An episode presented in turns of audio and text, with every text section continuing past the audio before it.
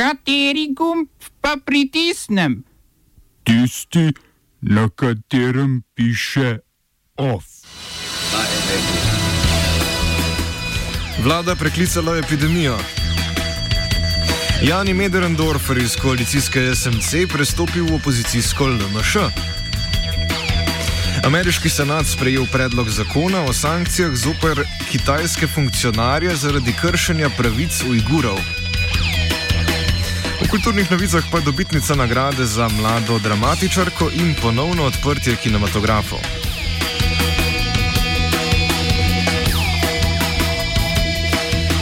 Vlada je na sinočni dopisni seji presenetljivo, a tudi preračunljivo preklicala epidemijo bolezni COVID-19. Odlok o preklicu epidemije je bil včeraj objavljen v uradnem listu, veljati pa začne s 1. junijem. In razlog, v primeru, da vlada ne bi preklicala epidemije do 15. maja, bi ukrepi obeh protikoronskih zakonov, da nima temeljni dohodek za samozaposlene, nadomestilo za čakanje na delo in podobno, veljali do konca junija, tako pa se bodo ukrepi iztekli še s koncem maja. Vlada je odpravila še karanteno ob vstopu v Slovenijo, zanimivo pa je, da omejitev zbiranja na javnih mestih ostaja. S prekinitvijo smo postali prva evropska država, ki se je odločila za takšno potezo. Še več o ukrepih in o koncu epidemije pa danes v kultivatorju ob 17. V Evropskem parlamentu je potekala živahna razprava o mačarskem odzivu na novi koronavirus. Mačarski premijer Viktor Orban lahko namreč v izrednih razmerah, ki pa časovno niso omejene, samovoljno vlada z odloki brez potrditve parlamenta. Liberalni in levi europoslanci so bili nad potezami ogrskega premijeja izrazito kritični, pozive k ukrepanju zoper Mačarsko pa so na Evropsko komisijo naslovili tudi nekateri poslanci iz Evropske ljudske stranke, v kateri sedijo tudi člani Orbanovega Fidesa. Ti v vsem ogorčenju nad Mačarsko seveda vidijo ideološkost in lov na čarovnice, z njimi pa so se strinjali tudi v vrstah skrajno desne skupine Identiteta in demokracija in v vrstah evropskih konzervativcev. Eden izmed ukrepov, ki so jih omenjali do mačarske politike kritični poslanci, je zamrznitev evropskih sredstev v okviru nove finančne perspektive. Pozvali pa so še k nadaljnemu izvajanju postopka v skladu s sedmim členom pogodbe v Evropski uniji zaradi nespoštovanja pravne države. Aktivacija sedmega člena je sicer malo verjetna zaradi mačarski vladi naklonjene Poljske, morda tudi Slovenije. Evropska komisarka za vrednote in preglednost Vera Jourova je dejala, da komisija še ne namerava sprožiti pravnega postopka proti Mačarski, da pa v Bruslju skrbno spremljajo situacijo. Na zasedanje Evropskega parlamenta je bil Orban sicer tudi vabljen, da bi odgovarjal na očitke. V boj za pravice mogočnega ugrofinskega naroda je želel raje kot sebe poslati mačarsko pravosodno ministrico, tega pa Evropski parlament ni sprejel.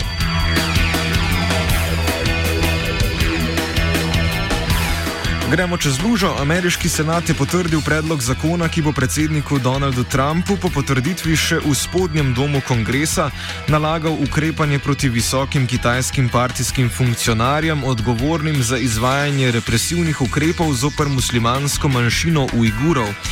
Ukrepe je pozdravil Svetovni kongres Ujgurov, ki v potrditvi predloga zakona vidi veliko upanje v času obupa.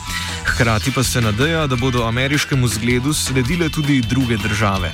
Spomnimo, kitajske oblasti so pripadnike te muslimanske manjšine, ki živijo na severozahodu kitajske države, strpale v koncentracijska taborišča.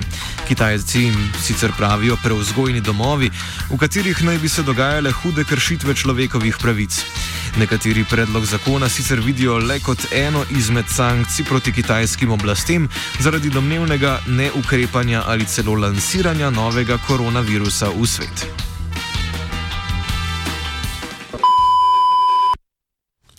Znanstvena redakcija sporoča: V številnih evropskih državah v zadnjih mesecih poročajo o do 30-kratnem povečanju števila obolelih otrok za Kawasakijevim sindromom.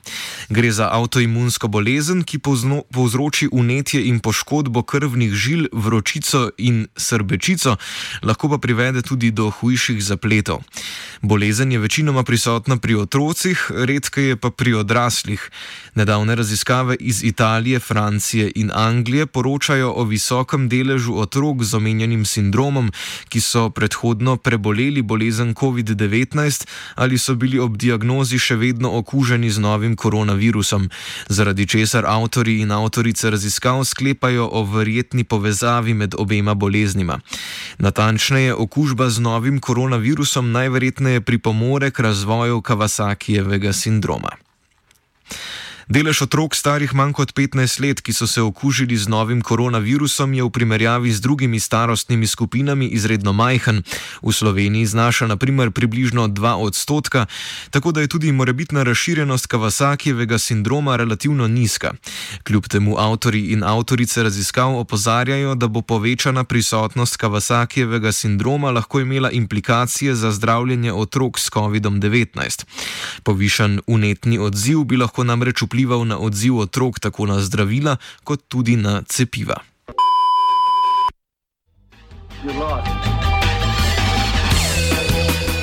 Nemški zvezdni parlament ali Bundestag je sprejel zakon, ki kriminalizira zažiganje zastave Evropske unije ali zastav tujih držav. Zažiganje nemške zastave pa je sicer že prepovedano.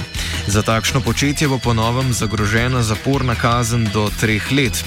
Javne razprave o tej problematiki so se odvijali, odvijale že vse od leta 2017, ko so v nemški prestolnici protestniki zažgali izraelsko zastavo. Edina stranka, ki je nasprotovala takemu ukrepu, je skrajno desna alternativa za Nemčijo, krajše AFD. Po njihovem je kriminalizacija zažiganja zastav poseg v svobodo govora in v umetnostno izražanje. Omeniti sicer velja, da pripadniki stranke AFD na protestih večkrat zažigajo zastavo Evropske unije, saj se takšen umetniški akt sklada z njihovim euroskepticizmom. Oba, če, če bom odgovoril na angliški. Slovenija will try to help. Uh, we can. Slovenija will. Uh, and we will. Do our utmost. To say that the situation is. Our problem ourselves. And uh, we will. Uh, make further steps as soon as the conditions are. Bomo vlado Marjana Cererera Šarca podprli. Very, very serious. News from Slovenia. We know how and we will. V hramu demokracije je bila včeraj na sporedu razprava o vladnem poročilu v zvezi z nabavo zaščitne opreme. Debata je sprožila pravo malo vojno med pozicijo in opozicijo, še najbolj pa sta drug drugega z očitki obstreljevala premijer Janez Janša in vodja opozicijske LMŠ Marjan Šarec. Sicer pa se ni zgodilo nič nepričakovanega. Koalicija je pričakovano pritorjevala vsebini poročila, opozicija pa ga je označila za pamflet. Poslanci so s 50 glasovi potrdili poročilo, opozicija brez Jelinčičeve SNS pa je glasovanje obstruirala. Po njihovem naj bi pri glasovanju šlo za kršitev poslovnika državnega zbora oziroma tako imenovane male ustave. S koncem epidemije pa je konec tudi poti Janja Mederendorferja v koalicijski stranki modernega centra. Mederendorfer je namreč na nepresenetljivo izstopil iz SMC in se priključil listi Marjana Šarca. Rošada stranke je bila zgolj vprašanje časa, saj je Mederendorfer glasno nasprotoval vstopu SMC v koalicijo z SDS. Po njegovem dejanja aktualne vlade niso v skladu z liberalnimi vrednotami, ki jih sam zagovarja. Sodelovanje z SDS pa je označil kot pogubno za SMC. Mederendorfer sicer verja za rekorderja v številu strank, ki jih je zamenjal, bil je namreč kar v šestih različnih strankah, v tem pa ne vidi problema, saj citiramo. Mislim, da je prav, da se vprašamo ne kakšna je vrečka, ampak kaj je v tej vreči, ki jo nosimo.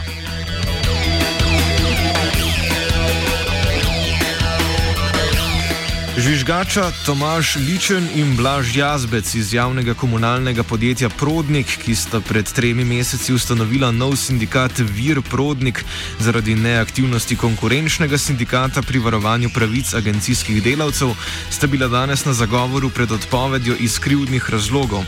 Več o današnjem zagovoru pove predsednik novega sindikata Tomaš Ličen.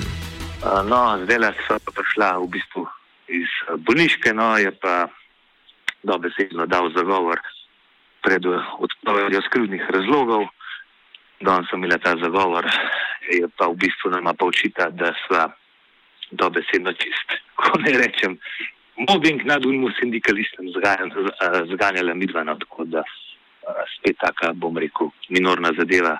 Se pa vidi, da cilj je v bistvu nemo, da se pač ta novostanovljen sindikat obglav, da bi ga provočil tako da se očitno odloča še za zadnjo potezo.